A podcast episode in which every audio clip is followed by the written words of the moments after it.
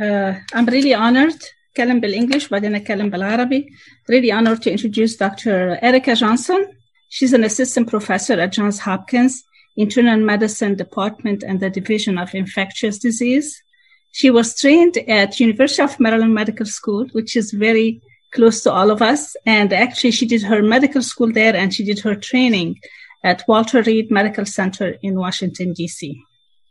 She's a program director for the residency um, program at Bayview Internal Medicine. She's well published and she's, she did a lot of research, publications, uh, talks, uh, especially around the HIV. And um, it, she's a big, big part of COVID initiatives and Johns Hopkins. She came to us a few months ago. I still remember at the beginning of the summer when we were all struggling with COVID. and there was a time we were closing churches and we're, uh, we're really struggling with a lot of things. And she gave us, a answer all our questions. And really, she gave us peace to the whole congregation during this time. Very humble, very sweet, with her knowledge and her dedication. um, please welcome me with me, Dr. Erica Johnson. Thank you for giving us your time. And we understand that you had a busy day today, but thank you so much. Thank you so much for that wonderful introduction, Dr. Hannah. Um, and thank you all for inviting me back to talk about COVID 19 and the vaccine. Um, and so I'm hoping that I can provide some um, just basic information about what we know about the state of vaccines right now for COVID 19. And, um, and then after that, I'll, I'll be able to answer any questions that you, you all might have. But I think that one of the great science success stories to come out of 2020 um, is the availability of a vaccine to combat this virus. Uh, we're now um, just just just over one year from when we started first seeing cases of COVID-19 here in the United States, um, and this really is a remarkable story, I think, of um, of scientists and clinicians. Um, uh, logistics, you know, all, all, all working together uh, to really try to accelerate this process. Um, I understand that with anything new, um, there there certainly can be a, a lot of concerns, and um, and and I understand the basis of some of the hesitancy that that that some might be feeling about um, a new vaccine. Um, but we're going to talk through you know all of the different things that I think um, uh, um, might be on your minds, and I'm, and I'm hoping to hear some of the other things that that I, I haven't thought of yet as we as we talk through uh, why uh, I think this vaccine is these vaccines are safe and effective um, and really important in helping us combat this um, pandemic. You know, um, there are, are, going to have to be multiple uh, strategies at multiple levels uh, for us to really get ahead of this virus. We obviously all have been um, at this for uh, a long time now, and um, and there has um, been substantial uh, loss uh, loss of uh, disruption uh, of, of normal activities, disruption of, um, of work, and of people being able to carry out the roles in their lives that they are used to doing, um, and and significant loss of life uh, because of because of this pandemic. And and the vaccines are not the entire story. Um, it's still going to take a full on public health effort, effort um, to be able to combat this, including all of us continuing to wear masks for a long time, all of us continuing to physically distance, um, continuing to avoid large gatherings um, and and continuing to um, you know trust uh, trust trust science from good sources as, as we're continuing to learn more and more information about the virus. But the vaccines are going to be a big part of it because um, if the virus has fewer people that haven't seen the virus or the vaccine yet to to be transmitted to, uh, then we'll we'll be able to slow the uh, infection. And so, getting a COVID vaccine is going to be very important um, for you to protect yourself, but also for you to protect all of the people around you that you love. Um, and it's also a way to sort of do your part uh, to help ensure that there are enough people in the community that are protected um, to reduce the number of potential people that the virus could could spread to. Uh, so this really is, um, you know, an, an, effort that I think we're going to have to just do as as a community, and everyone will need to, you know, play play their part um, in that.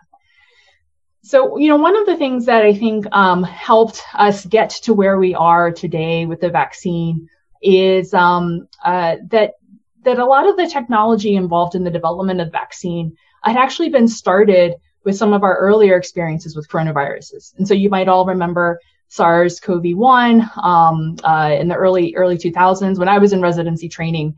Um, uh, the first SARS was, uh, um, uh, you know, a, a, problem at the time. Oh, I apologize for my um, but the uh, and then there was of course the MERS uh, coronavirus as well. Um, that is our, our, other experience with coronavirus.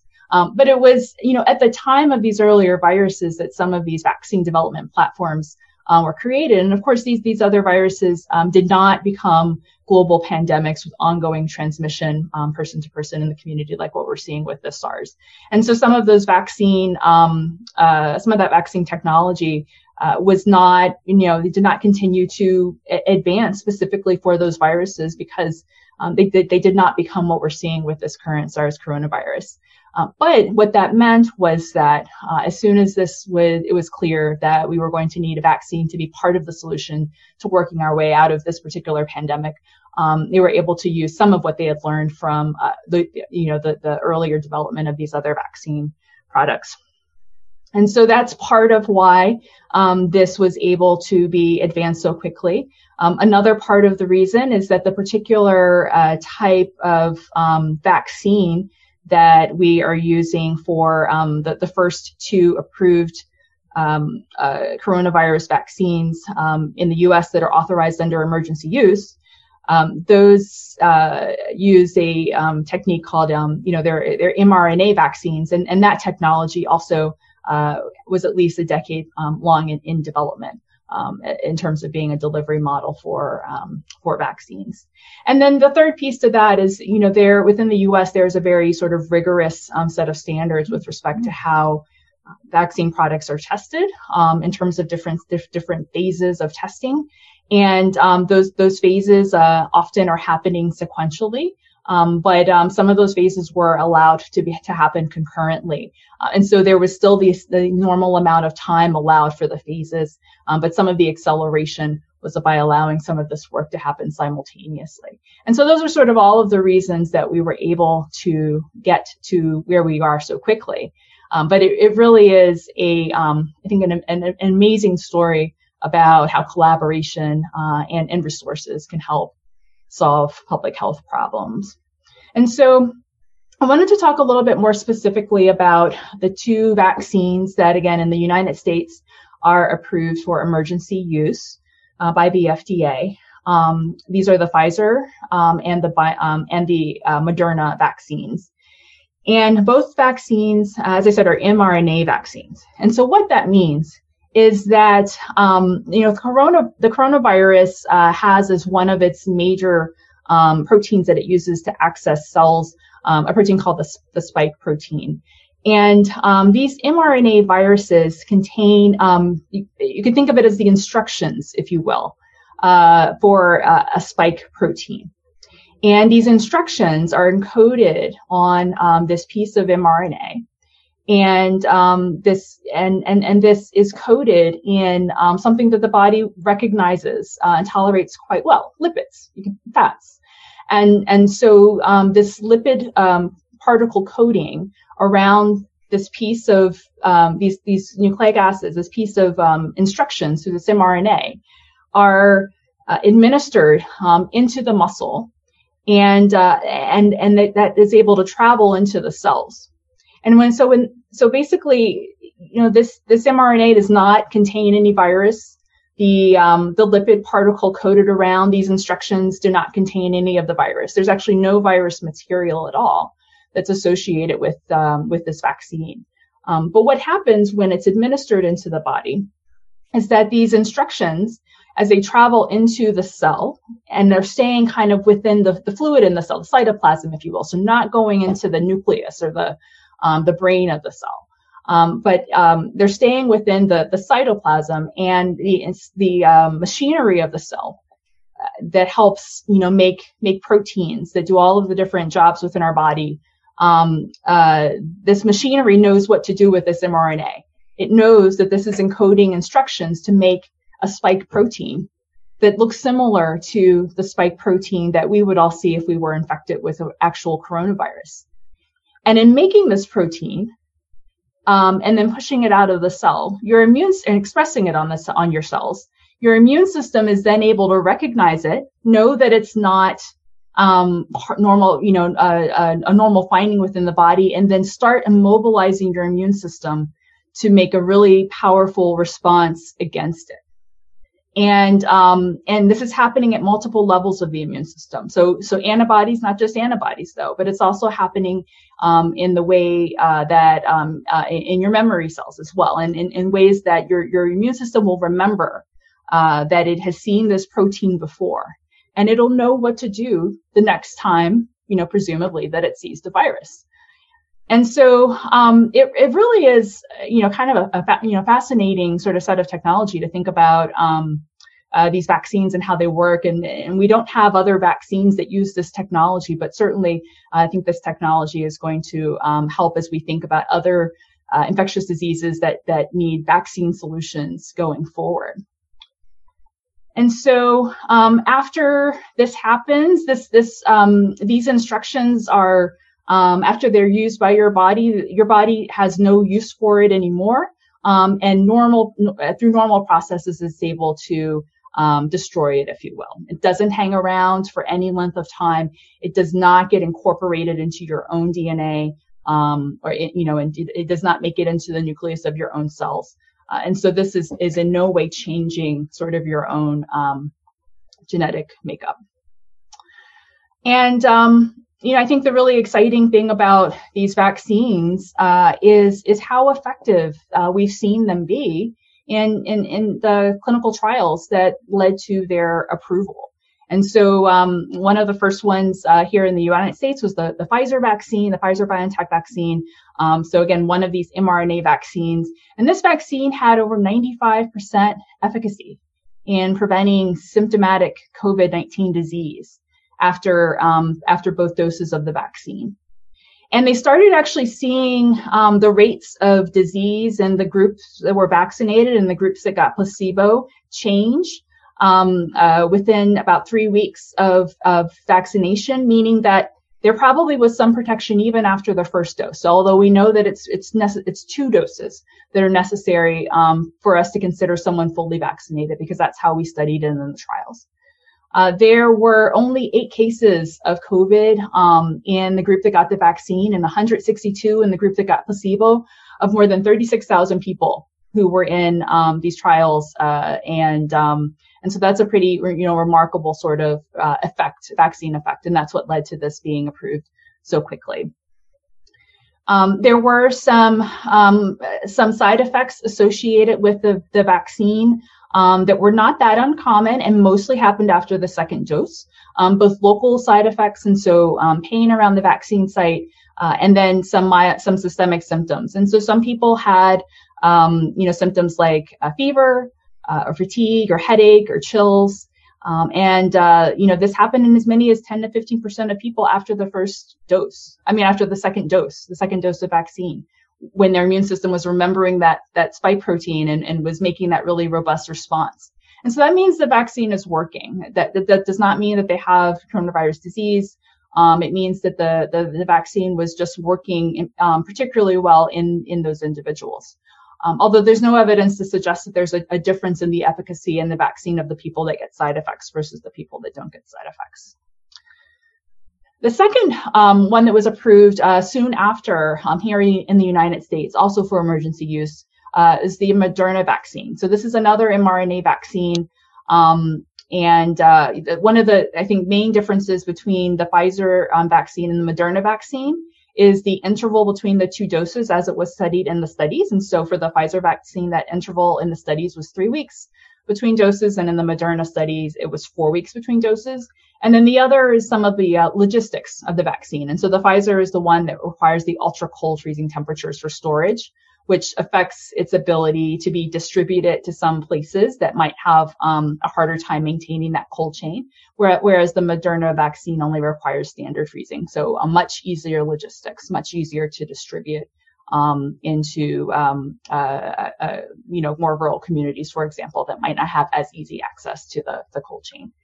Um, but similarly, um, this vaccine was over 94% effective um, in the clinical trials that led to its approval. uh, after um, to, to within two weeks after the second dose, with some efficacy being seen in the subset of people who only received a single dose of vaccine.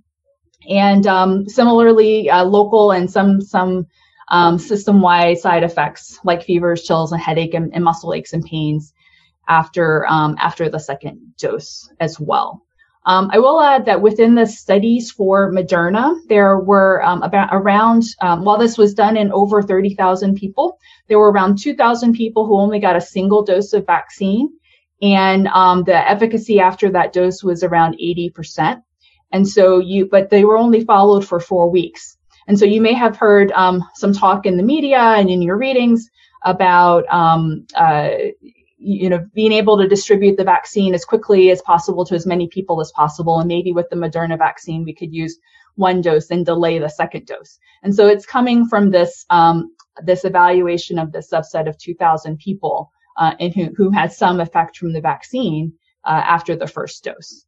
Um, that strategy is still quite controversial, and and, and for now, um, the recommendation is that everyone would get the full vaccine series. But I, I did just want to point out that that's why we're talking about considering that with the Moderna vaccine um, and not not with the Pfizer vaccine. It's because of those 2,000 people.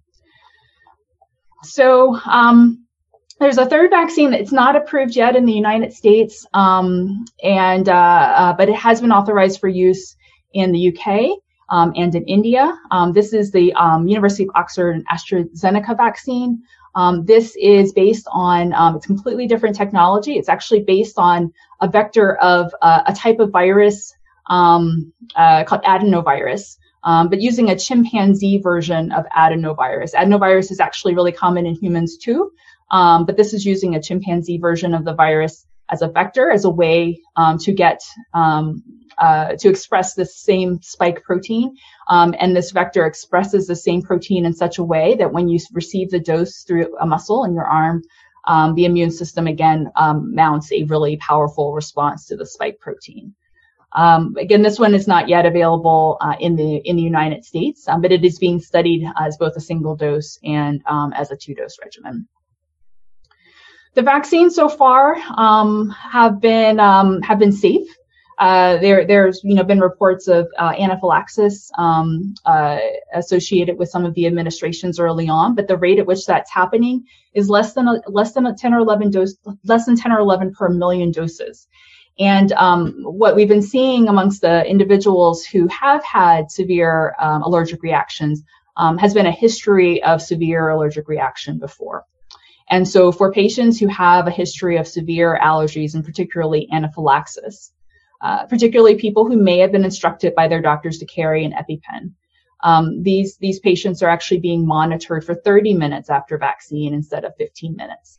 And the reason is that um, uh, the, uh, these, these cases of severe allergic reaction, although there have been very few, um, they have generally happened um, uh, an average of uh, 13 minutes um, from the time of vaccine recipient, vaccine installation. There's still some things that we don't know. Um, we don't know, for example, about um, using the vaccine in pregnant women. Pregnant women weren't included in the studies for the Pfizer and the Moderna vaccines. Um, there were women in the studies who became pregnant after they were randomized and were vaccinated and we were continuing to follow um, those women. Uh, but so far, there haven't been any adverse effects associated with that. But um, those women, many of those women um, uh, have, have not even reached term, and so it's still very early. Uh, and we also don't know the, the, the benefits um, or risks associated with the vaccine in children because children were not included. The youngest um, uh, um, people who were included in these studies were age 16. And so um, there are uh, ongoing studies to include um, healthy women um, who are pregnant in their second term or beyond, and also uh, in children. Those are planned. But uh, until then, we, we, we, won't be able to say with any kind of specificity about the potential risks or benefits in those groups. but I will say that the American College of Gynecology is recommending that vaccine vaccination not be withheld from individuals just because they're pregnant. Um, and if they meet other criteria for vaccination, that is a conversation they should have with their gyneco- with their obstetrician um, regarding whether or not that makes sense for them. And so um, I uh, I think maybe that would probably be um, a fairly good place to wrap up. I think I, I will just add very quickly that I have been vaccinated. So as a healthcare worker, um, I was uh, amongst um, one of the, the earlier groups to be offered the vaccine here um, in the state of Maryland, and um, I received the Pfizer vaccine. Uh, I did not have, I, I, was not aware of having had a history of coronavirus prior. Um, my first vaccine uh, dose was was pretty unremarkable. I had a sore arm. It felt exactly the same as other times I've had the, the flu vaccine. Um, and uh, it, it, was mild. I didn't have to do anything differently because of it.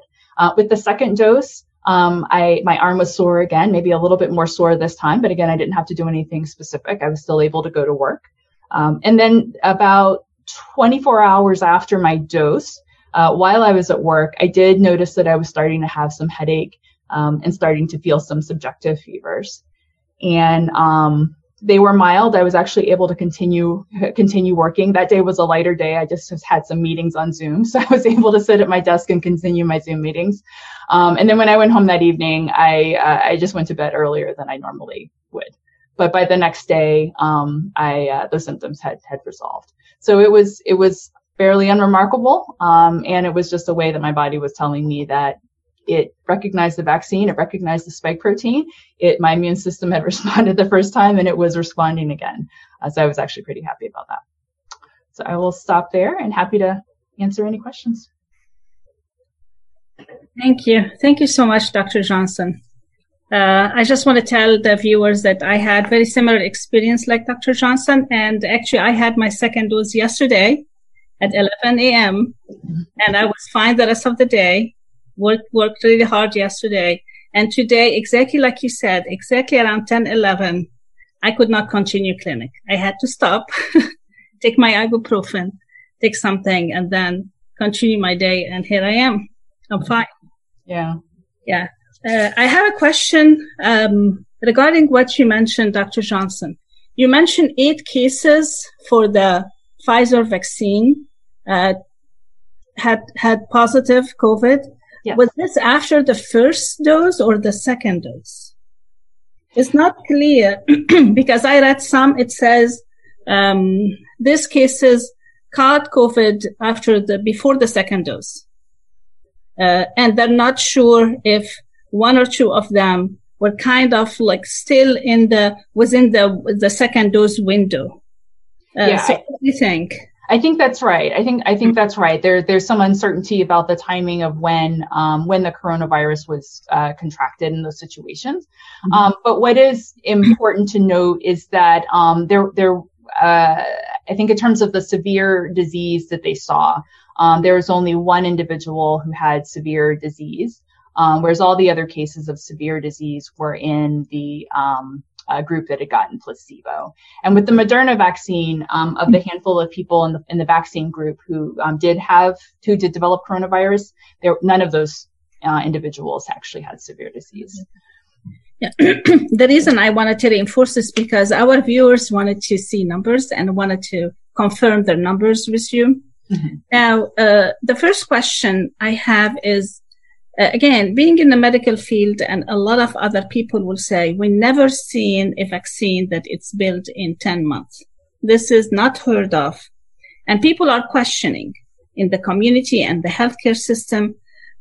Have we cut corners? Have we, like, what exactly we're, we're doing? We hear uh, a lot of rumors around uh, uh, that were pushing, they were expediting. They use us as guinea pig. We don't know. It's 10 months oh, we need to digest what's happening. What do you think of this for the viewers to know? Yes, this is definitely the fastest um, uh, that we've ever been able to develop a vaccine in our history of being able to make vaccines. Um, it's actually also one of the most, if not the most, so far effective vaccine uh, that we've ever been able to make in the history of of vaccines. And and to me, what that means is that um, uh, our, our ability to develop vaccine products um, is just continuing to prove over time because we're building on um, you know we're building on prior science we're building on other other observations other um, uh, things that have um, uh, been done in the past uh, that that help this process become accelerated. The technology for this vaccine, even though you know for us um, we are have only been familiar with the fact that this these were being developed, um, you know, in in the, these past few months, this technology um, has actually been under development for more than 10 years. And, um, and a lot of the under, and it, and it built on understanding of coronaviruses that's, um, you know, more than a couple of decades old. And so uh, it really is just using um, prior, building on prior science uh, to help us get to the solution more quickly. And then the other thing is is that the you know um, with the FDA allowing aspects of the testing of the vaccine to happen um, together at the same time simultaneously, as opposed to um, having all of the, the this testing happen um, you know sequentially. Mm-hmm. Uh, and so those those things were able to speed the the process up, but th- there were also substantial financial investments. Yes, this is a to um, to to get this done as well. And uh, as you can imagine, back you know vaccines um, have not always been invested in so heavily, and that slows down the process of discovery. But here we had teams of scientists working all across the globe with heavy financial investment, um, using science that had been uh, um, you know developed over the course of the preceding decades, and and so that's how we got here this quickly. Yeah, I just wanted to clarify this at this point for the for the audience. Um, uh, uh, a lot of money has been put in manufacture while we're testing the vaccine. So in any other vaccine, we wait till we see results and then we put money in manufacture. This time we're building the vaccine as we're testing the vaccine, and that's why we get it in really, really record time. Um, um, in, in Arabic for, for للناس اللي هي عايزة تفهم أكتر ال ال ال ال كان تسرع أو العشر أشهر اللي إحنا شفناها دي كانت أكتر حاجة في ال في ال الامتداد المادي اللي حصل عشان يصنعوا الفاكسين وهم بيدرسوه فما ما ضيعوش وقت علشان كده إحنا وصلنا الفاكسين في ريكورد تايم 10 months. Um, good, thank you so much. Next question, Dr. El Asel. I know you have a very good question. Uh, thank you, Dr. Johnson, for this introduction. I um, I have a, concern, uh, a question that people are very concerned about the messenger RNA vaccines. Um, as you said, it, the technology has been ongoing for 10 years uh, so far, and we haven't seen any of the other uh, diseases or viruses being uh, developed under this technology. And all of a sudden, uh, this coronavirus um, tempted uh, the manufacturer to go into this route of messenger RNA vaccine. Um, so, and I understand your description of being clinically safe. Can you give us, uh, in a simple words or simple explanation, why would you consider it uh, scientifically safe, and whether it will replace this technology would replace other um, other vaccines or other disease like vaccination for the flu or uh, polio or any other diseases as well? Yes, um, I do uh, think that um, you know, as as this vaccine technology was was being developed, uh, I think it really was the, the confluence of um, a, a, a desperate need, essentially, um, and the the rapid infusion of resources um, and um, you know teams of investigators sort of all around the world uh, working on this problem together. Um, now, now that we've seen that we can effectively use mRNA vaccines, I expect that this technology will um, consider to be evaluated um, for applications in other other public health related or uh, infectious disease related problems. but uh, you know, I, I, I do find the the the science. I do trust um, the the the science around the vaccine, um, and uh, you know think of it as a, a safe product um, because of the way in which it was um, tested, um, in the close way in which we continue to observe. Um, its use and in knowing that it does not contain any any products that are unfamiliar to the body in any way. Um, the body is used to seeing mRNA. Um, it's used to using the instructions encoded in it to make proteins, um, and um, and it's it's used to seeing these these lipids, these fats uh, that are uh, part of the particle that's used to deliver the the vaccine. So um, I, I, I, felt uh, good enough about it uh, that uh, I uh, was happy to be one of the first people to be able to um, be vaccinated in terms of being in the, the class of people that were vaccinated as a healthcare worker, um, and um, you know have been really recommending it to all of my friends and family uh, when they're able to get vaccinated. السؤال اللي الدكتور العسال سأله على ال عشان ده فاكسين جديد والماسنجر ار ان اي الناس كتير قوي قلقانة منه. فالدكتورة جونسون بتأكد لنا إن هو حصل قبل كده ميبي مش في فاكسينز بس في أمراض تانية.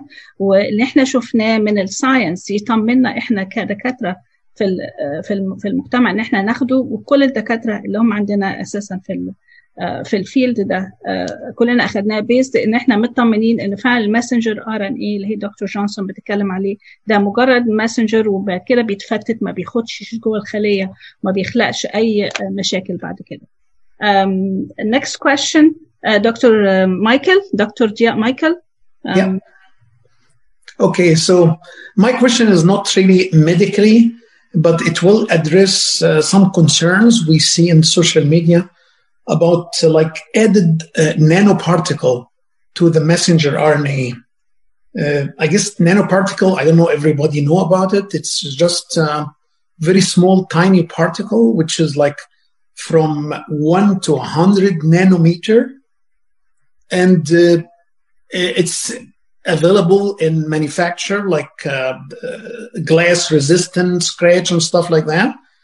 So th- we're thinking about like uh, they might be a micro, uh, like uh, computer, and that particle, and which can spy on people or um, conspiracy kind of things. So th- if there is any nanoparticle in the added to the messenger RNA, people should worry about like lipid nanoparticle. Thank you. So, so these are um, uh, these these tiny, tiny particles uh, that are used to deliver these instructions, this mRNA, um, are um, it's it's basically just like a coating around the mRNA of, of lipids or fat. Um, you could you could think of it as fats, and and and so you know our, our bodies are are made up of these types of lipids um, and use them in the various structures in our bodies, and so these that, that that's a um, a material or particle that uh, is is familiar, um, such that um, when it's administered through the arm, um, that's able to be uh, uh you know taken up into the cell, and it, it breaks away to expose these instructions, um, so that the cell can then go about the process of making um, the the protein, making the spike protein, the product that you your immune system is directed against. And so there and there isn't any other material um, in it, and the um, you know the body just just basically uh, destroys um, both the particle, the, the, lipid covering barrier delivery um, piece, and uh, and also the RNA after um, it goes through the process of turning it into protein. So there's nothing nothing that's left um, and and there's nothing else that's added, um, you know, in, you know, to this. Uh, um, it's it's essentially just a delivery model for these um, instructions, but it's it's really quite simple, um, uh, and um, you know, it doesn't, like I said, isn't associated with anything that remains in the body beyond hours. Thank you.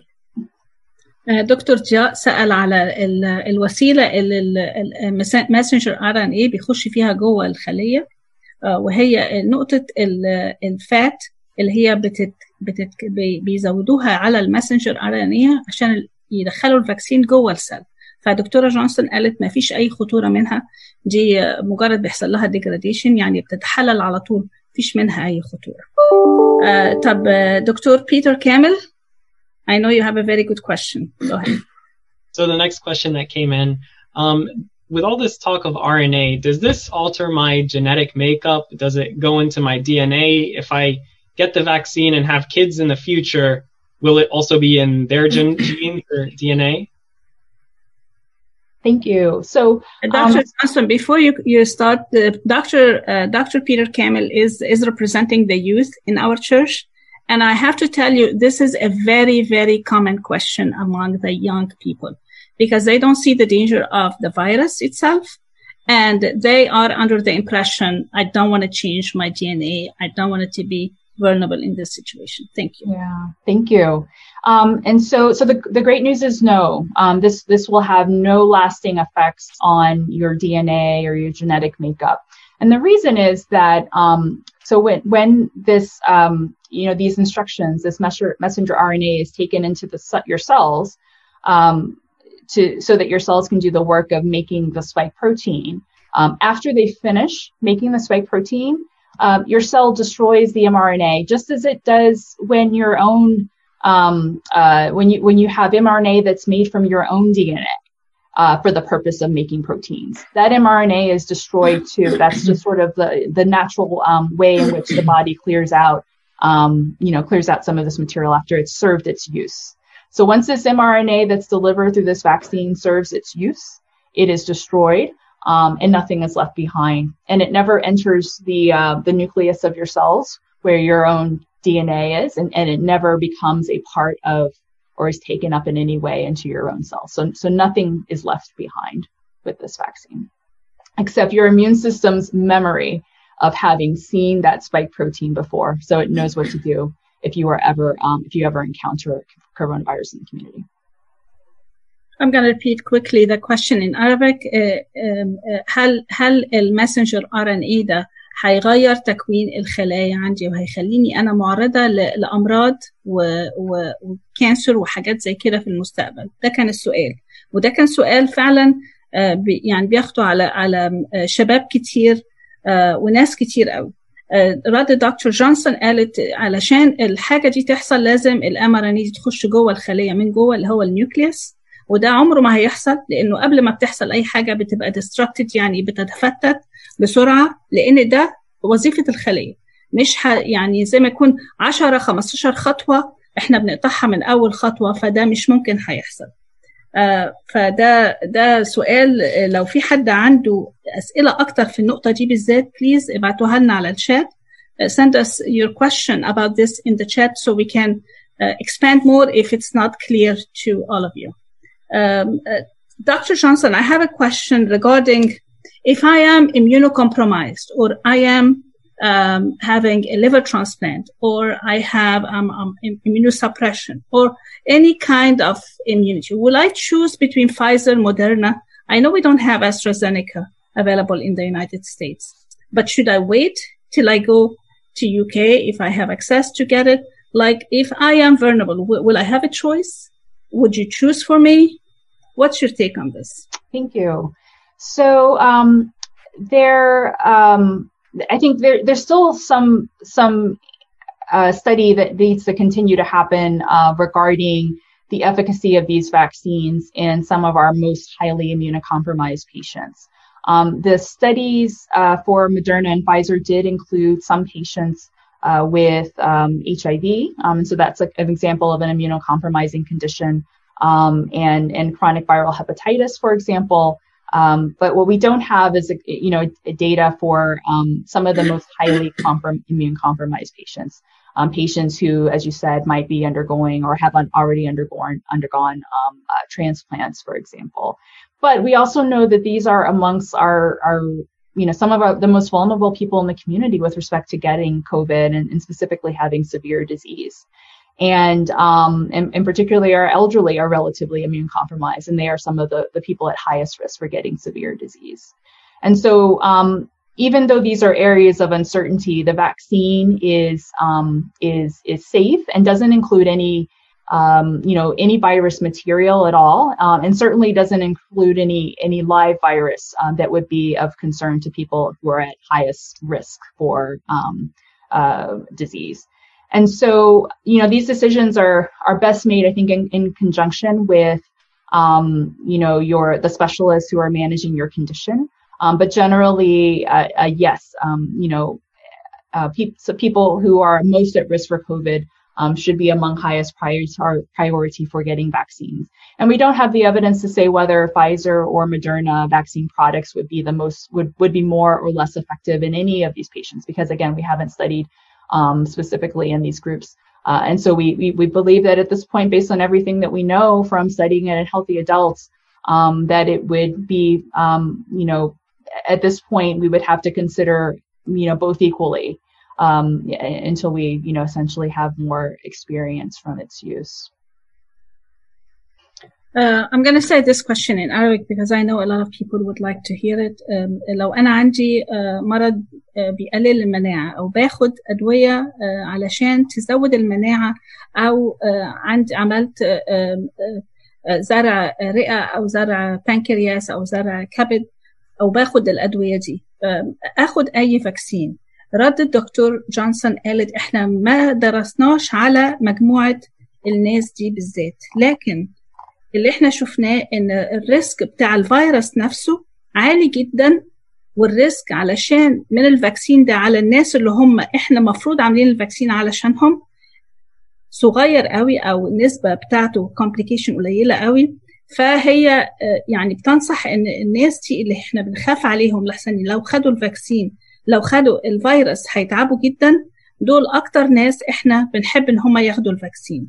لغاية دلوقتي ما فيش أبحاث اتعملت على المجموعة دي بالذات لكن هي بترجح إن الناس دي تتقدم وتاخد الفاكسين وقالت ما فيش فرق بين الفايزر أو الموديرنا للناس دي لأن هما الاثنين بيزيكلي هيبقوا ذا سيم ما قدرناش نتكلم قوي على أسترازينيكا لأن هو لسه مش متواجد في أمريكا.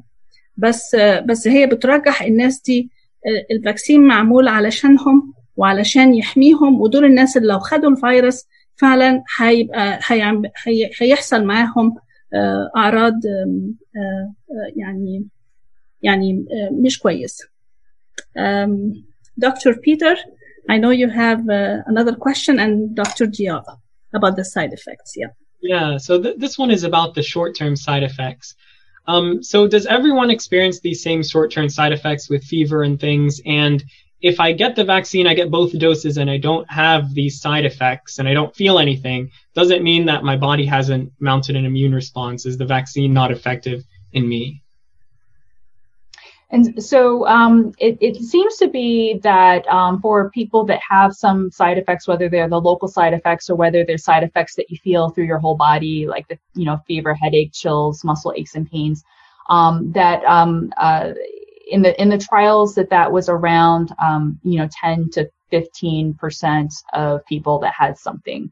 Um, the highest side of the, or i guess the highest percentage um, uh, side effect was um, was indeed fever with lower rate around 10 percent with lower rates of uh, headaches and muscle aches and pains. Although again that was a little bit different between the the Pfizer study and the Moderna study. The, the Pfizer study seemed to have a slightly lower rate of some of the headaches and the muscle pains, a little bit higher in the Moderna study.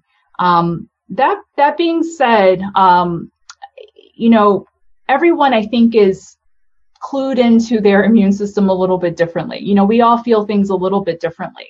And so, and and some of uh, the difference, I think, in perception of response to the vaccine um, is also just reflecting just some of the heterogeneity and how we each or differences in how we each um, you know uh, experience things.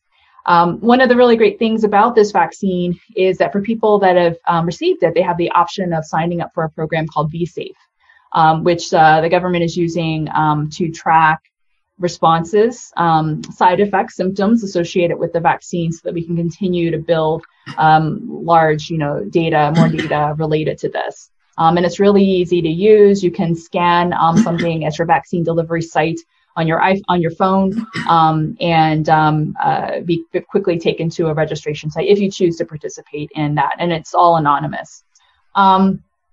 so, so like I said, there's a lot of variability in how people respond. but for everything that we can tell based on the efficacy, um, with over 95% of people being protected from COVID, symptomatic COVID disease in both in these trials, um, it does not seem that being aware of symptoms with that second dose has any impact on the efficacy of the vaccine, as far as we can tell.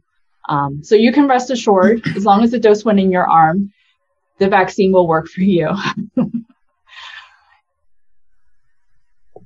Dr. Michael, I think you have a question in this uh, regards as well.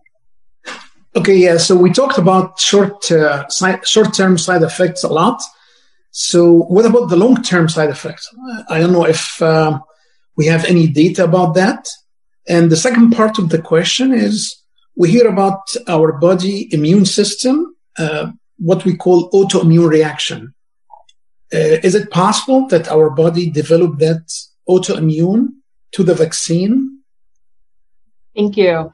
So, um, uh, so, so most of the, um, you know, the effects obviously that we are talking about are, are temporally or time related to um, when the when the dose was given and when your your immune system is responding to that. And then after that, you know, all of the different um, the, the two aspects of the of the virus of the vaccine product, the the, the lipid particle that it's is the delivery system for it, and the mRNA um, are destroyed by your body, and so nothing nothing remains. And so um, there there you know it's unlikely that there would be any longer term effects related to the vaccine. But part of um, administering any new vaccine I think is you know continuing to um, observe people who've gotten the vaccine for a longer period of time, um, and um, uh, and through programs like VSafe and other sorts of monitoring systems, be able to continue to uh, collect data on that. Um, but at this point, uh, you know, our, our experience with it is um, has been in a you know matter of months, and so uh, we I think we really haven't gotten to the point where we are able to um, you know comment with any kind of specificity on the very long term, a year or longer.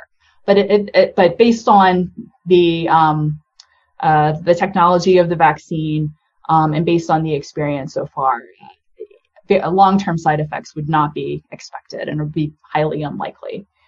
Um, in terms of the uh, question of the autoimmune response, and so this would be the immune system basically developing a response against proteins that are part of your body, um, which is an abnormal response. And, and there are other, you know, there are chronic diseases that are associated with autoimmunity, like rheumatoid arthritis, for example, um, you know, where um, your, your body is mounting an inflammatory response to your own um, um, body that, that is manifested by um, uh, inflammation and pain and, and, changes, damage to the joints. So, um, the you know the vaccine is not known to induce a your body to uh, develop an immune reaction against its own proteins. Um, it is only known to induce immune, an immune reaction to uh, the one protein that the vaccine um, instructs your body to make, which is the spike protein of the um, of the of the coronavirus. So that if you see the spike protein again, your immune system remembers that. Um, uh, Ermin, you wanted to ask your question and then I will summarize everything in the translation. Right. So I think you answered part of that question already, Dr. Erica, but I just uh, wanted to make sure. Um, we know, is it true actually that most of the side effects, uh, the long side effects from any vaccine is just two months? And what about the coronavirus vaccine? Um, so I wanted to ask you this question, but I also wanted to give you one of the questions that just came in on the Facebook Live um, someone is asking that if they got the first dose and then after that first dose they got infected with the COVID, should they wait and not take the second dose until they get a negative test, or should they take the uh, the second dose anyways? So sorry, two questions in one. so um, so the first question um, I think gets at gets at some of the uh, our understanding around uh, potential side effects from the virus, both in the short and then long term. And since in the clinical trials, people were followed um, for uh, for for two months. Um, and since we've only been distributing this vaccine um, in the United States since um, really the sort of the second half of the month of December, uh, and and so under two months, our, our period of being able to really uh, observe people for the the true long term, um, a year or beyond, is um, you know we just haven't gotten to that point yet. And so I, I, think that you know we'll, we'll have to continue to observe these pe- people in the trial that got the vaccine. They're continuing to be observed, um, and certainly we'll have the, the, the real world experience, um, the post marketing experience um, associated with administering the vaccine. Um, but at this point, it looks unlikely. Um, but COVID itself can it, can induce um, uh, long term symptoms in uh, in patients who've actually had the COVID related illness. So the the vaccine is not known to do this at all because the vaccine doesn't cause the disease.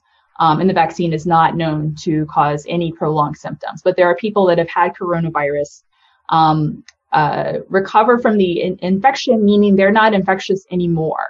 But the symptoms that they had when they had coronavirus, some of those symptoms, maybe um, headaches, maybe um, you know changes in their sleep pattern, maybe um, difficulty with with uh, some of the, the mental tasks that were normal for them before, Um, there, there's definitely a large group of people that have continued to have these symptoms for many months after their infection.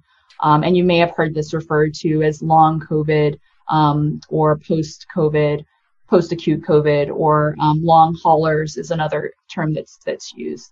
Um, and that is a very real phenomenon, and um, and and we're still understanding why it is that in some people the immune system continues to have a lot of um, uh, activity um, that, that's causing these symptoms, even after the virus is long, long gone, um, with different rates of resolution of these symptoms. So that's, a, that's an area of uncertainty for us for sure. The second question uh, had to do with um, timing of, of vaccination, particularly around something that's going to happen very commonly in the community, which is getting COVID in between your COVID vaccine doses. Um, so for people that have recently had COVID, um, you know, you may not be very high priority for vaccine.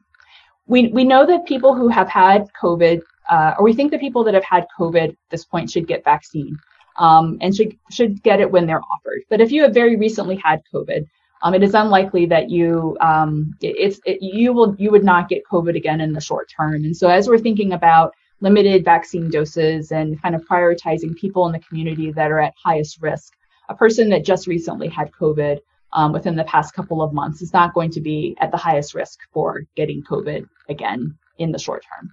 And so that might be one reason um, to to perhaps just prioritize yourself a little bit later so that maybe more vulnerable people might be able to get the vaccine.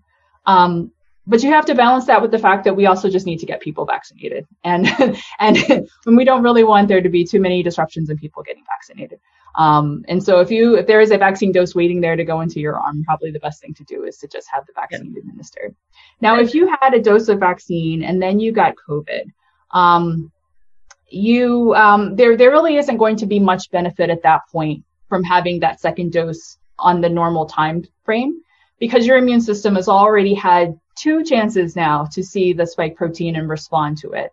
Um, and in fact, you weren't fully protected after that first dose if you got it the the um, in the interim. It would be okay to delay um, vaccination, certainly until you recover from your illness, so that it is clear that there is no association between symptoms you had from COVID and any symptoms you might have from the vaccine. So there should be a, a, longer sort of period in there. You want to be well when you get the vaccine. You want to have your immune system have the best chance to respond to the vaccine, which is when you're well. Um, but but that doesn't mean that you can't eventually get that vaccine dose, and you should because we we we don't think that um, having COVID is going to result in any sort of long-term or durable protection from getting it again sometime in the future. Oh. Uh, so you, you, don't get um, uh, protection fully protected if you got the actual COVID. You get fully protected after you take the vaccine. Actually, is that correct? That's right. So we consider full protection to be after for the mRNA vaccines after both doses of the mRNA vaccine. If you want that greater than 95% efficacy, um, please get both both doses on time. Oh. So if you got COVID, you still want to get the vaccine, but after you completely recover. After you have completely recovered from from COVID.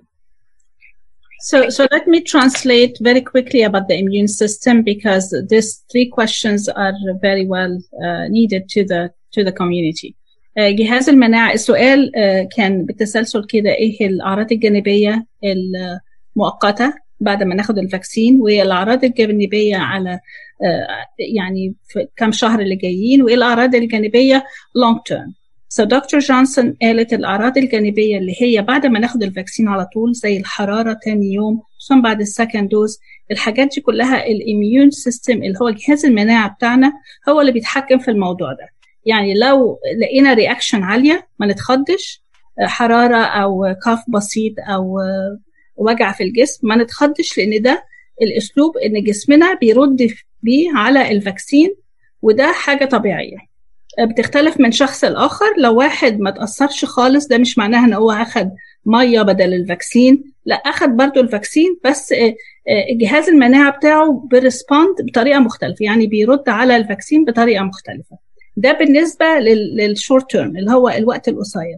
بالنسبة لللونج تيرم ما عندناش أي ما شفناش أي مشاكل من الفاكسين وخصوصا السؤال بتاع الدكتور ضياء. على الاوتو اميون يعني لو أنا عندي زي روماتيزم. الروماتيزم ده عبارة عن جهاز المناعة بيرد على خلايا معينة بروتينية من جسمي بطريقة تفاعلية. عشان كده بيجي لنا روماتيزم في المفاصل. والسؤال كان هل علشان الإميون سيستم بتاعي دلوقتي ريسبوند للفاكسين ده هل أنا هيجي لي روماتيزم؟ هيجي لي حاجات من أمراض الروماتيزمية وأمراض المناعة بسبب الفاكسين ده؟ ورد دكتور جونسون قالت لا. إحنا جسمنا ما بيردش على الفاكسين بروتين بنفس الطريقة اللي بيرد بيها على البروتين اللي اوريدي موجودة في جسمنا. فده ده سؤال مهم جدا الناس بتسأله آه على جهاز المناعة. بالنسبة لللونج تيرم مدام إرمين سألته الدكتورة جونسون قالت ما عندناش أي رد لللونج تيرم اللي هو سنتين أو أكتر اللي لسه ما عملناش الفاكسين بس إحنا المؤشرات بتقول ان مش هيكون في امراض جانبيه لونج تيرم يعني أكتر من اشهر uh, في سؤال there is a question came in the chat I think it's very important you, you touched on it Dr. Johnson about breastfeeding um, and I know you mentioned the obstetric, obstetric American Association said if you're at high risk, uh, don't deprive um, your your nursing or you're pregnant. That's correct. Yeah, and Yes. uh, And, and and I, I- yeah, can you can you explain a little bit because we do have a lot of pregnant and nursing women within the community. And I do have my colleagues who are nursing and pregnant, but because we are at high risk and we see COVID patient all the time, they get vaccinated. Yes. Yes. So, um, so there, there, there should not be any um, concern or interaction related to um, vaccination uh, with one of the COVID nineteen vaccines and um, and breastfeeding. Uh, and, and in fact, um, continuing breastfeeding, if that is um, uh, you know, a woman, a woman's choice uh, is actually uh, really ideal because it is one of the ways in which they'd be able to um, continue to, you know, provide some some level of immunity, some basic level immunity, um, uh, you know, to to their child who otherwise wouldn't have it. So it is it is safe. Um, if you are a woman who is is breastfeeding and you are offered the vaccine, it is safe for you to be vaccinated. Um, there are not any vaccine related products, including the lipid delivery model or the in, mRNA instructions within the vaccine um, that would uh, in any way um, be in, in breast milk. Um, and so there, there should, there's no risk there. Um, I think الإجابة واضحة إن ما فيش أي خطورة لل لل للي بيرضعوا أو ال child bearing أو pregnant provided إن يكون في سبب ياخدوا الفاكسين يعني عندنا دكاترة كتير ونيرسز كتير بيشتغلوا في الفيلد ده and they're very vulnerable and they get vaccinated while they're pregnant and while they are nursing. So we just want to make sure that this is uh, this is the correct answer. Uh, I know uh, we have a lot of questions coming in the chat. I think um, uh, um, Dr. Peter, you had questions about the Sure. So, what are the recommendations now for children and adolescents under the age of 18? I know you had said that the vaccines were not yet approved for them. Do we just need to wait for them to get approved, or are they going to get different vaccines, or what's the what's the plan for children? Yeah, I, I- think we're just going to have to wait for some more information for children. Um, right now, fortunately, children, while they can get coronavirus and while there have been certainly children that have had severe disease, um, children are not the, the category um, of, um, of, of persons that are at highest risk for severe disease. And um, uh, studies are ongoing now for the mRNA vaccines in older children, um, but have not yet, are planned but have not yet started in younger children. And so I think there's still going to be some time before we're able to um, answer that question in children. It's going to be, you know, a few a few more months. Uh, in the meantime, uh, the most helpful thing would be, you know, in the community, reducing the number of um, adults who are able to uh, transmit coronavirus as much as possible. Very good. السؤال عن الأطفال لسه ما عندناش أي recommendation uh, في أقل من 18 سنة. Uh, there was a question came on the chat, and I had actually this question in the panel as well. Uh, we're wondering how long we're going to be immune. Like now, we got the second dose. How long is this immunity last? Uh, are we going to get vaccinated periodically, every few years, every one year? Do you have Yeah. an answer? Or yeah. So what's it? that's still definitely um, an area of uncertainty. Yeah, thank you for that. Um, uh, you know, at this point, I, we don't have a good answer of how long this protection will last, just as we don't have a good answer of how long um, people who've actually had coronavirus disease have some, you know, relative immunity before getting again. We know it's not um, lifelong, uh, but but we we don't have a, um, you know, we're not able to define that time um, yet. And and the same is true for vaccination. And so I think that you know we'll continue to um, have uh, uh, inf- receive information about um, uh, changes in the vaccine schedules for both of these vaccines. And then we're also going to see other vaccine products come onto the, the market very quickly, um, just as the AstraZeneca product has come onto um, has come into use in the, the UK and India. So uh, more more to follow on um, on that. Uh, and since we will have all received different vaccine products, I think the answer will be a bit different depending on um, which vaccine product we each ultimately receive. Very good. Another question came on the chat about the, the, can you take the flu vaccine and the COVID vaccine in the same time? And if I have to take it, should I wait? Uh, yes, yes, you can. Um, and in fact, it's very important to um, not delay seasonal flu vaccine any longer at this point um, and you, uh, and and so if your if your earliest opportunity happens to be um, you know when you're able to get uh, coronavirus vaccine too, then then please do get both. Um, the immune system is um, able to respond uh, to, to, to things simultaneously, and in fact, it's a normal vaccine strategy um, to receive multiple vaccines at a time. Perhaps um, one way to think about it is is you know taking chil- early, young children to well children's visits and, getting multiple vaccines at a time. Um, so it's it's it's possible to do that. It's also um, uh, I think um, you know just just fine to separate them as well, but um, highly recommend both vaccines for everyone. Dr. Elasel have a question, um, and uh, followed by uh, Josephine, you have a question. So go ahead, Dr. Elasel, please. Um, I had a question. Uh, knowing that the the, the gold standard diagnostic test is the PCR, which detect RNA of the virus. Uh, would getting um, a messenger RNA vaccine interfere with uh, this test result? Would it give false positives or false negative? Um, also, uh, in continuation for that, uh, if I got if I got the test, um, uh, can I get the vaccine still, or, or I have to wait until the test results comes back? Great. So thank you for both of those. Um, so the, um, the the mRNA that's included the, uh, that's part of the, the virus is um, quite ephemeral. Quite um, uh, it does not last in the body for any length of time, um, and um, which which is a good thing. No, no no material related to this vaccine, whether the lipid particle or the mRNA, is uh, in your in your body much longer than a few hours, and so.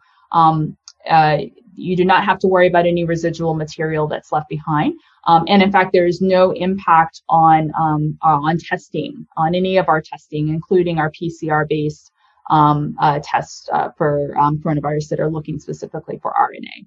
Um, uh, and, and so you can trust a test result. For example, if you are vaccinated with an mRNA vaccine, um, and then several days later you develop symptoms, and maybe you're thinking initially that these symptoms um, you know, this fever, these muscle aches that you're having were a side effect of the vaccine. But if this is continuing, um, you know, for several days uh, or even getting worse, then then that's not the vaccine, and and and you should you know be tested um, for for respiratory viruses, including coronavirus. And um, indeed, if your test is positive in that situation, is because you have COVID nineteen, and it is not because of um, the the vaccine that was just recently received. I think the the second question, I think I'm forgetting the second question. I'm sorry. Uh, I think you answered you answered the question. I, I need to repeat this question in Arabic because this is very important. So uh, دكتورة جونسون بتقول لو انتوا خدتوا الفاكسين الفيرست دوز اول دوز وبعد كده حصلت لكم فيفر لمده كذا يوم اول يوم اتس اوكي مايلد فيفر حاجه اعراض جانبيه صغيره ماشي. لكن لو زودت قوي ولقيتوا بقى أعراض كوفيد بدأت and you get tested positive للكوفيد you're gonna go in the category of treating COVID ملهاش دخل بالفاكسين. الفاكسين ما جابلكوش ما جابش كوفيد هو مك... لكن هتكملوا وتتعالجوا من الكوفيد. وبعد كده بعد لما تتعالجوا من الكوفيد بعد كده نفكر نديلكم السكند دوز اوف ذا فاكسين بعد ما ريكفري يحصل. فخلوا بالكم الفاكسين ده ما فيهوش أي بارتيكل من الفيروس. ده عبارة عن إحنا بنخدع الاميون سيستم جهاز المناعة بتاعنا علشان يخلقوا المضاد بتاع الفيروس. لكن هو الفاكسين نفسه ما فيهوش أي فيروس.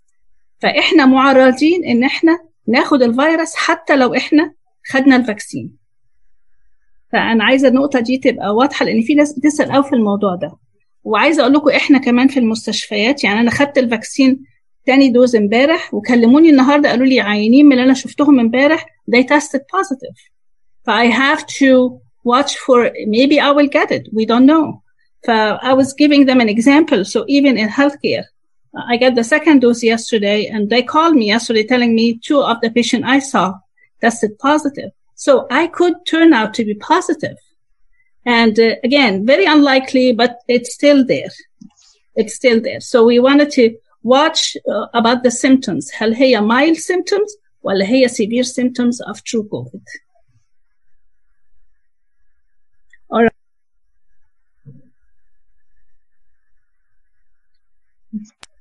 I know it's a lot of questions and a lot of questions coming in the chat.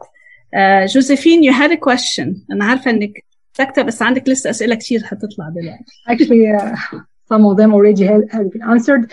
So we got a question from the Facebook. It says, uh, should we do antibodies blood test after the second dosage of vaccine? So um, uh, for for most people, no. Um, for the vast majority of people who are being vaccinated, no. Um, there's still a lot that we're trying to understand about the response to the vaccine, particularly in in, in some of those highly vulnerable people um, that we were talking about earlier. Some of the most immunosuppressed people, perhaps people that have had um, undergone organ transplants and are on medications to suppress their immune system so they don't reject that organ. Um, and, and, so some some transplant centers at um, academic institutions are um, in, in, you know doing some things like testing for antibodies after uh, the first and the second dose of the vaccine in selected patients, uh, just to answer that question. Um, but for the majority of us um, who are uh, being vaccinated because we are at standard risk for COVID, um, there is no need for any additional testing and, and, and no recommendation for that. Um, you can trust that with over 95% effic- efficacy rates in the, in the, clinical trials, you can trust that it'll work for you. Very good. I think Dr. El have a very good question about the mutated virus, and a lot of people are uh, concerned about it. Go ahead, Dr. El um, so given that this um, messenger RNA vaccine, those messenger RNA vaccines are targeted to the spike protein, uh, we heard a lot about um, mutated viruses in uh, England, uh, Brazil, and uh, South Africa, and uh, most of them are in the uh, spike. The mutations are occurring in the spike protein as well. Um, would this current vaccine be still effective against these strains, and how this uh, those vaccines that we are taking will be effective against any uh, upcoming mutations as well. Great, thank you. Um, yes, I know that this is on a lot of people's minds. Um, so the variations that we're seeing in um, coronavirus are actually pretty expected. There are multiple variants of the virus um, all around the globe. And it's because, you know, the, the virus is replicating. And also, this is one of the first times in recent years that we have seen so many people around the world get um, the same virus at the same time and and and you know each um, there's so many opportunities for it to mutate as it's moving from host to host to host and so these variants are expected um, specifically the, the the variant that um, was first observed in the UK the B117 uh, variant um, one of the concerns about that is is that it um, it seems to have been observed to be more easily transmissible person to person um, not associated with more severe disease or increased risk of death, but but perhaps some easier transmissibility. But the the good thing about the mRNA virus vaccines is that there is such a complex immune response um, to these these vaccines. But there, there are two different arms of your immune system, and both arms of your immune system are, are responding um, in a highly sophisticated way to this to um, the spike protein um, such that even with some of these uh, variations that we're seeing, um, it's believed that the um, uh, the Pfizer vaccine and and likely the, the Moderna vaccine as well uh, will continue to be effective um, against these new strains and against other variations that we're going to see, including um, variations we've seen in Brazil and South Africa, as you mentioned. Of course, th- we have to continue to observe it in practice um, to uh, be certain that that's true. But at this point, we believe it's going to take a very long time for the virus to mutate in such a way that um, these current vaccines that we're using are rendered ineffective because of that complex immune response. السؤال على على الفيروس اللي إحنا سمعنا ظهر في كذا حتة في العالم وبالتالي بدأ يظهر برضو عندنا هنا في أمريكا اللي هو التطور بتاع الفيروس لكوفيد 21 مش كوفيد 19 يبقى كوفيد 20 بقى. فدكتورة شانسون بتقول إن إحنا دلوقتي الفاكسين الفايزر ولا الموديرنا معمول على كذا سبايك والمناعة بتتفاعل معاه بطريقة كبيرة جدا لدرجة إن إحنا مش متخيلين إن هيحصل أي تغير في الفيروس نفسه والمناعة مش هتقدر عليه.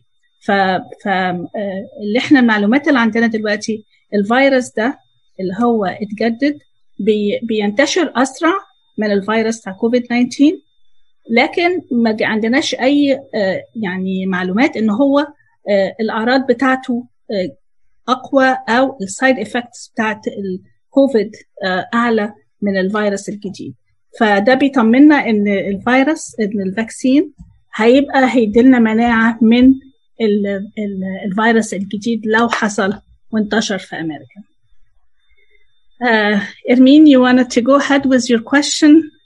I know you have a question that a lot of people are waiting to hear.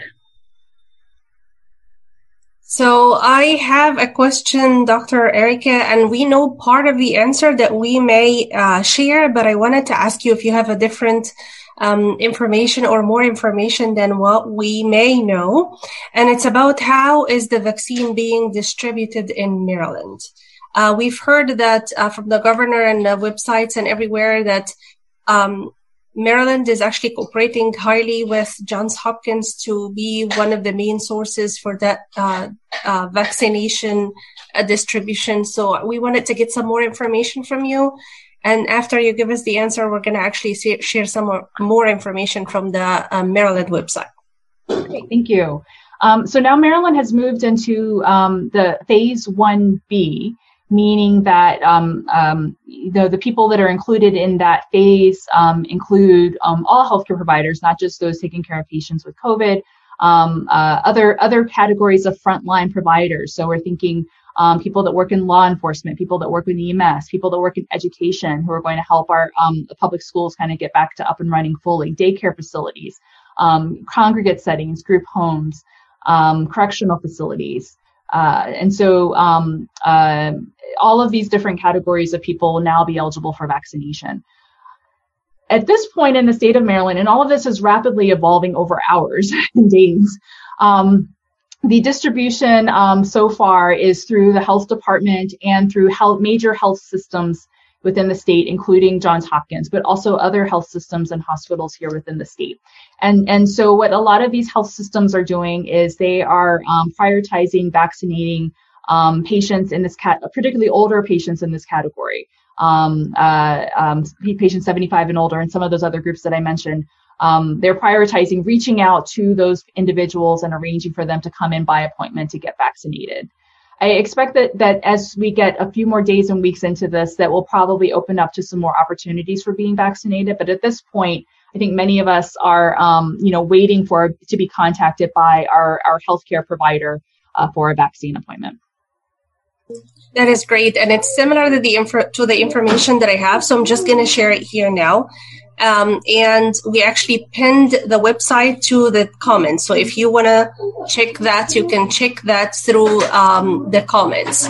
So it's going to be uh, coronavirus.maryland.gov backslash pages backslash or slash pages slash vaccines.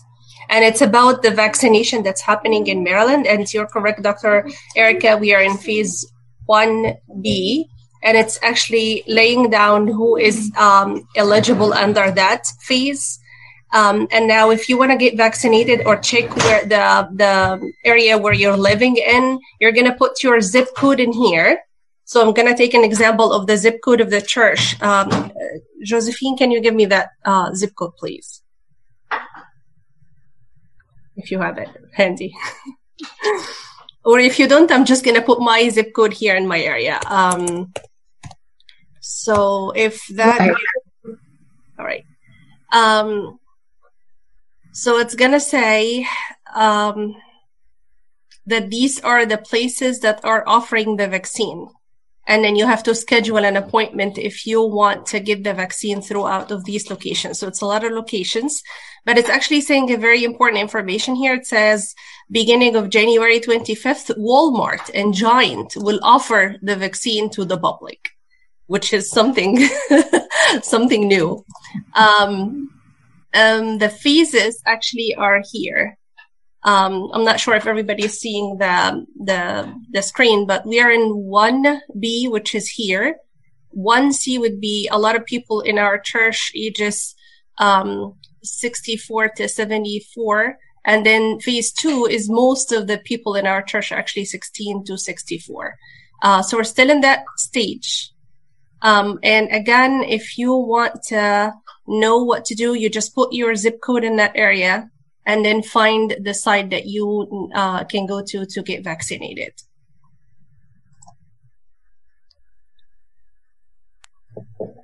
Thank you, Ermin. This is this is very helpful. Very helpful. And I actually have another question, Dr. Marie, that just came in through or, or came in through the the, the, the messages. Uh, one of the congregation is saying that she carries an EpiPen uh, for seafood allergies um, and because of anaphylaxis risk. Is she at risk of having anaphylaxis due to COVID vaccine? Meaning, if she got the vaccine, would she get the same um, anaphylaxis risk? Right. So I think because um, because of the history of anaphylaxis and carrying an EpiPen, um, you would definitely want to, um, uh, you know, when you choose to get vaccinated, you would definitely want to make your vaccine site aware of that history. They will elicit that history from you as well. Um, and, and you would want, be one of the people that would be observed for a longer period of time. So that period of 30 minutes, since many of the reactions happened in under 15 minutes. Very good. Very good. So, oh, and I guess I should add to that that the sites, the vaccine sites, are equipped to manage severe allergic reactions to the vaccine, which is the reason for keeping people there to monitor it. So they have on hand staff that are trained to, you know, administer medications and, and, and monitor and manage these effectively on site. Yeah. Um, أنا عايزة أوضح النقطة اللي الدكتور جونسون قالتها لو في لو حد عنده الرجي السؤال كان أنا عندي الرجي لأنواع أكل معين وشايلة معايا الابي ريسكيو بان فهي الآن الأنسر قالت إحنا will need more observation يعني هن ما فيش أي خطورة إنها تاخد الفاكسين لأن هو ما فيهوش أي حاجة related للفيش أو الالرجي أو any any allergic بس هن هن هيتابعوا معاكي أو معاه لمدة 30 دقيقة. قالت كمان معلومة حلوة قوي دكتور جونسون اللي فيكم اخذ الفاكسين بيقعدونا كلنا في أوضة اندر اوبزرفيشن كده ولا كده مدة 15 ل 20 دقيقة. والأوضة دي equipped بكل حاجة فور ريساسيتيشن يعني لو أي حد داخ أو تعب نص الحاجات بتبقى حاجات بسيطة. فكل سنتر عنده equipment وعنده استعداد لو حصل أي رياكشن they will intervene يعني هيتصرفوا على طول. I'm just explaining the waiting room uh, that we all have to go through and it's very it's very assuring very good and عندهم سراير وعندهم كل الاكويبمنت لو حصل اي حاجه uh, هم بيتصرفوا على طول فطبعا ده حاجه تطمن عندنا we have still questions from the community I know Josephine you have more questions go ahead yes uh, uh, the question about the older people and the question said my mother is above 80 years old in good condition. She heard that some elderly died few days after getting the vaccines. What's your opinion? So so there um, might be referring to some um, reports in the media related to um, uh, some information that was coming from norway largely and also from germany of um, some individuals, some elderly adults who died within days of receiving the vaccination. However, it's important to note that Um, it is not known whether um, their death was in any way related to the vaccine.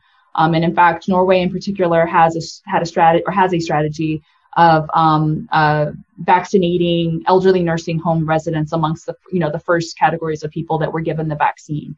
And so um, I think there was something around 32 or 33 deaths that they reported that they um, have been investigating. And so far, I've not seen any evidence to suggest that this is related to the vaccine. Um, of course, the, the timing is of concern, and that's why they're taking it so seriously and, and investigating, and that's why it was read about. But um, yeah, these these were were adults that also had other chronic conditions um, and uh, were particularly frail, and it is is also just possible that it, um, uh, another event happened that resulted in their death, and and the timing related to the vaccine may have just been coincidence. السؤال على على السينيور سيتيزن وخصوصا فوق ال 80 سنة. هل هو سيف وخصوصا إحنا سمعنا على 23 حالة في النرويج وألمانيا. nursing home citizen died بعد الفاكسين hours after the vaccine and few days after the vaccine. فدكتور جونسون بتأكد إن لأ هو كان عندهم أمراض غير يعني سببت في الوفاة غير الفاكسين وممكن يكون الفاكسين علشان هو بيعمل رياكشن زي ما بيحصل عندنا كلنا بيعمل رياكشن حاجة بسيطة. لكن هم اوريدي وضحوا إن الحالات دي كانت اوريدي عندها أمراض إذا في القلب ولا في الرئة ولا أمراض تانية تسببت في الوفاة. والسبب إن إحنا شفنا الحاجات دي إن في ألمانيا في أوروبا ألمانيا بالذات والنرويج زي ما عملوا فاكسينيتد للدكاتره عملوا فاكسينيتد للنيرسينج هوم كلهم. ده برضو نرجع نأكد إن مفيش أي خطورة من الفاكسين. الخطورة من الفيروس أعلى بكتير بكتير على جداتنا وجدودنا أكتر من الفاكسين نفسه. فلو أنا معايا تيتا في البيت فوق السبعين دلوقتي مصرحين فوق 72 فوق السبعين أو فوق التمانين أحسن إن هم ياخدوا الفاكسين. ال ال الأعراض الجانبية أرحم كتير من الفيروس نفسه. Yeah, I think one of the most important messages is that it is clear that the that coronavirus itself can cause severe disease and can cause death. Um, and uh, the the vaccine, um, while it's causing side effects, these side effects are largely minor and self-limited. And even the cases of severe allergic reaction that we've seen um, have ha- been happening at rates of fewer than 10 cases per million doses of vaccine administered um, and, and are also uh, minor and, and easily managed at the vaccine distribution site.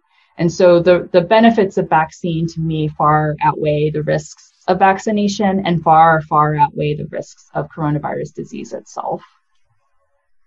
دكتور جونسون بتأكد على النقطة دي إن إن الخطورة من الفيروس نفسه أكبر كتير من الخطورة من الفاكسين على أي حال من الأحوال يعني لجدتنا لبنتي اللي هي في في في, في وقت ولاده أو يعني حامل أو بترضع برضو الريسك اوف فاكسين ستيل هاي لو لو ولادنا حاسين إن هم ات ريسك أو بيشتغلوا في الميديكال فيلد وبيتعرضوا كل يوم الاوبستريك امريكان كولج اوف اوبستريك قالوا ده مهم إن هم ياخدوا الفاكسين أحسن ما ياخدوا الفيروس ويتعبوا من الفيروس. فأي تعب الفيروس أكبر بكتير من تعب من الفاكسين وبرضه الانافيلاكتيك رياكشن اللي هو الرياكشن اللي بيحصل على طول بعد الفاكسين ما هياش حاجة خطرة والنسبة فيري فيري رير يعني نسبة صغيرة جدا وكل السنترز اللي بتدي الفاكسين مستعدة إنها تعالج لو ده حصل في ساعتها. I know we're running out of time. Josephine, I know you have more questions. Yes. Actually, uh, you mentioned for that uh, at the beginning of your speaking, but we got a question about that again. Uh, some people heard about that the vaccine would create with a microchip inside my body, with a chip that can control us and they can, the high tech people can track us. Is it right? Especially that we saw a couple of videos on social media talking about that. No, that, that, that's not correct. So you can rest assured there is no um, chip or monitoring device uh, that's associated with the vaccine material. It is um, just the, the lipid delivery model and the um, mRNA or the instructions, and both of those dissolve away by the body after uh, shortly after vaccination, after your body develops that immune response. Uh, so there and there's nothing nothing left behind, including no chips or monitoring devices of any kind. Thank you. So I'm to repeat the answer to this question. Uh, في فيديوهات معروضة أنا شفت واحد منهم جوزيفين بعتت لي واحد فعلا بيقول إنه الفاكسين ده فيه مايكرو شيب they will track you. يعني هي هي هي يغيروا من من تفكيرنا ويغيروا من حياتنا سبيشال هاي تك والحاجات دي هتبقى اوفر كنترولينج ذا هيومانيتي وكل الحاجات دي. طبعا دكتورة جونسون بتأكد ما فيش حاجة زي كده ده هم بيقاد على الام ار ان اي بتاعت الفاكسين نقطه فات او نقطه نانو بارتيكل ده كل اللي بيقاد للفاكسين ما فيش اي حاجه من الحاجات دي, دي كلها just um, fake and not not does not exist um, any other hanging question Ermin I'm sure you have some in, on, on your chat we had some questions that came in through the messages and the chat. So one of the question was about the antibodies. Uh, people are asking if they already have uh, done that lab work and found that they have um, the antibodies. They didn't feel the infection. They didn't feel symptoms. They didn't know that they had COVID, but found that they have the antibodies. Are they supposed to take the vaccine? And if so, um, after how long? um, uh, from having this test of found, finding out that they have the, the antibodies already? So we um, we we know people suspect that there are likely lots of lots of these individuals um, since we're not routinely testing people before um, before vaccination. Um, many many people who are getting the vaccine have probably already had COVID and didn't know that they had it, and that's fine because we don't know how long the protection from having had COVID, especially asymptomatic COVID, um, will last in terms of protecting you from future COVID. So um, still safe to get the both doses of the of the mRNA vaccine in that situation. Mm-hmm. And then the other question that came in was, are we still infectious to others? If we got the vaccine but others didn't and we started to loosen it up a little bit but not putting the masks and everything else are we carrier at that point? Are we putting others at risk? Right. So that's still an, an a bit of an area of uncertainty um, in this uh, about whether or not people who ha- have this vaccine um, are protected against symptomatic disease, but maybe are not protected against asymptomatic disease. However, when we think about other vaccines that we have that are effective, there aren't really other sorts of examples of situations where people can carry and transmit disease, like measles, for example, um, when they've been effectively vaccinated. And and so I think that you know for the most part we can consider um, vaccination to mean that you cannot get COVID and also you um, likely cannot transmit COVID. But that being said, no one's going to know whether or not you've been vaccinated. And it's still really important for all of these public health measures um, to be in place, including physical distancing and mask wearing. Um, and so I, I, would recommend actually not um, uh, um, relaxing any of these me- measures, but rather if you are privileged enough to have been one of the first people to be vaccinated, continue to you know do the work of ensuring that everyone else stays safe until more people in the community can get vaccinated. Thank you. Um, we have another question that came in about the numbers of people that got uh, the COVID vaccine, uh, the, the COVID itself after being vaccinated. And they were asking, would that mean that the vaccine was not working for them, or would that mean that the vaccine got them the actual disease? So um, uh, it means I think that it just reflects, and we're talking, you know, again in the in each of the trials around um, uh, eight individuals in the vaccine group of the over thirty thousand people in each vaccine, um, in, of the over thirty thousand people included in each trial. Um, a, very small number of people that got disease. Um, and remember, this is a, a, a real world trial, and so it doesn't matter at any point at which you get disease, including um, you know, getting disease in between the doses or before two weeks after the second dose. Um, so, but it's still a very, very small number. Um, so it it's just reflects, I think, that, you know, the vaccine isn't 100% perfect, but it's far more perfect than any other vaccine that we have in practice right now um, in preventing disease. Um, and, um, and and and that the the vaccine didn't give them the disease in that situation. They just got it naturally from the community. All right. And one final question about um, when do you think we can go back to normal life, having those vaccines going out? Um, is it some people are saying by Labor Day, some other people by, are saying, oh no, we're going to go back before Memorial Day. So what do you think? Yeah, that is a million dollar question. I think that they're, you know, um, normal. Um, I'm not sure exactly what normal will be after us all having kind of gone through this experience. Um, I, I, suspect that um, uh, we will start to be seeing more normal things happen as more people get vaccinated. And, and yes, I agree. I'm thinking like late spring into the summer.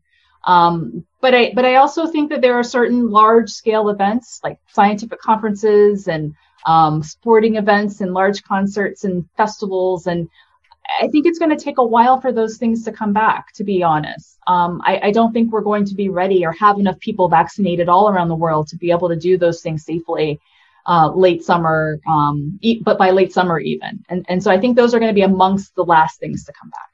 But what should come back as more people get vaccinated um, is the ability to go into a restaurant and enjoy a meal um, or the ability to get on a plane without real concern and be able to travel and visit loved ones, to be able to have normal sorts of holiday gatherings with family, be able to go to church and um, have everyone in the congregation together. Those things will come back in the next few months if we can get, um, you know, as many people vaccinated as possible.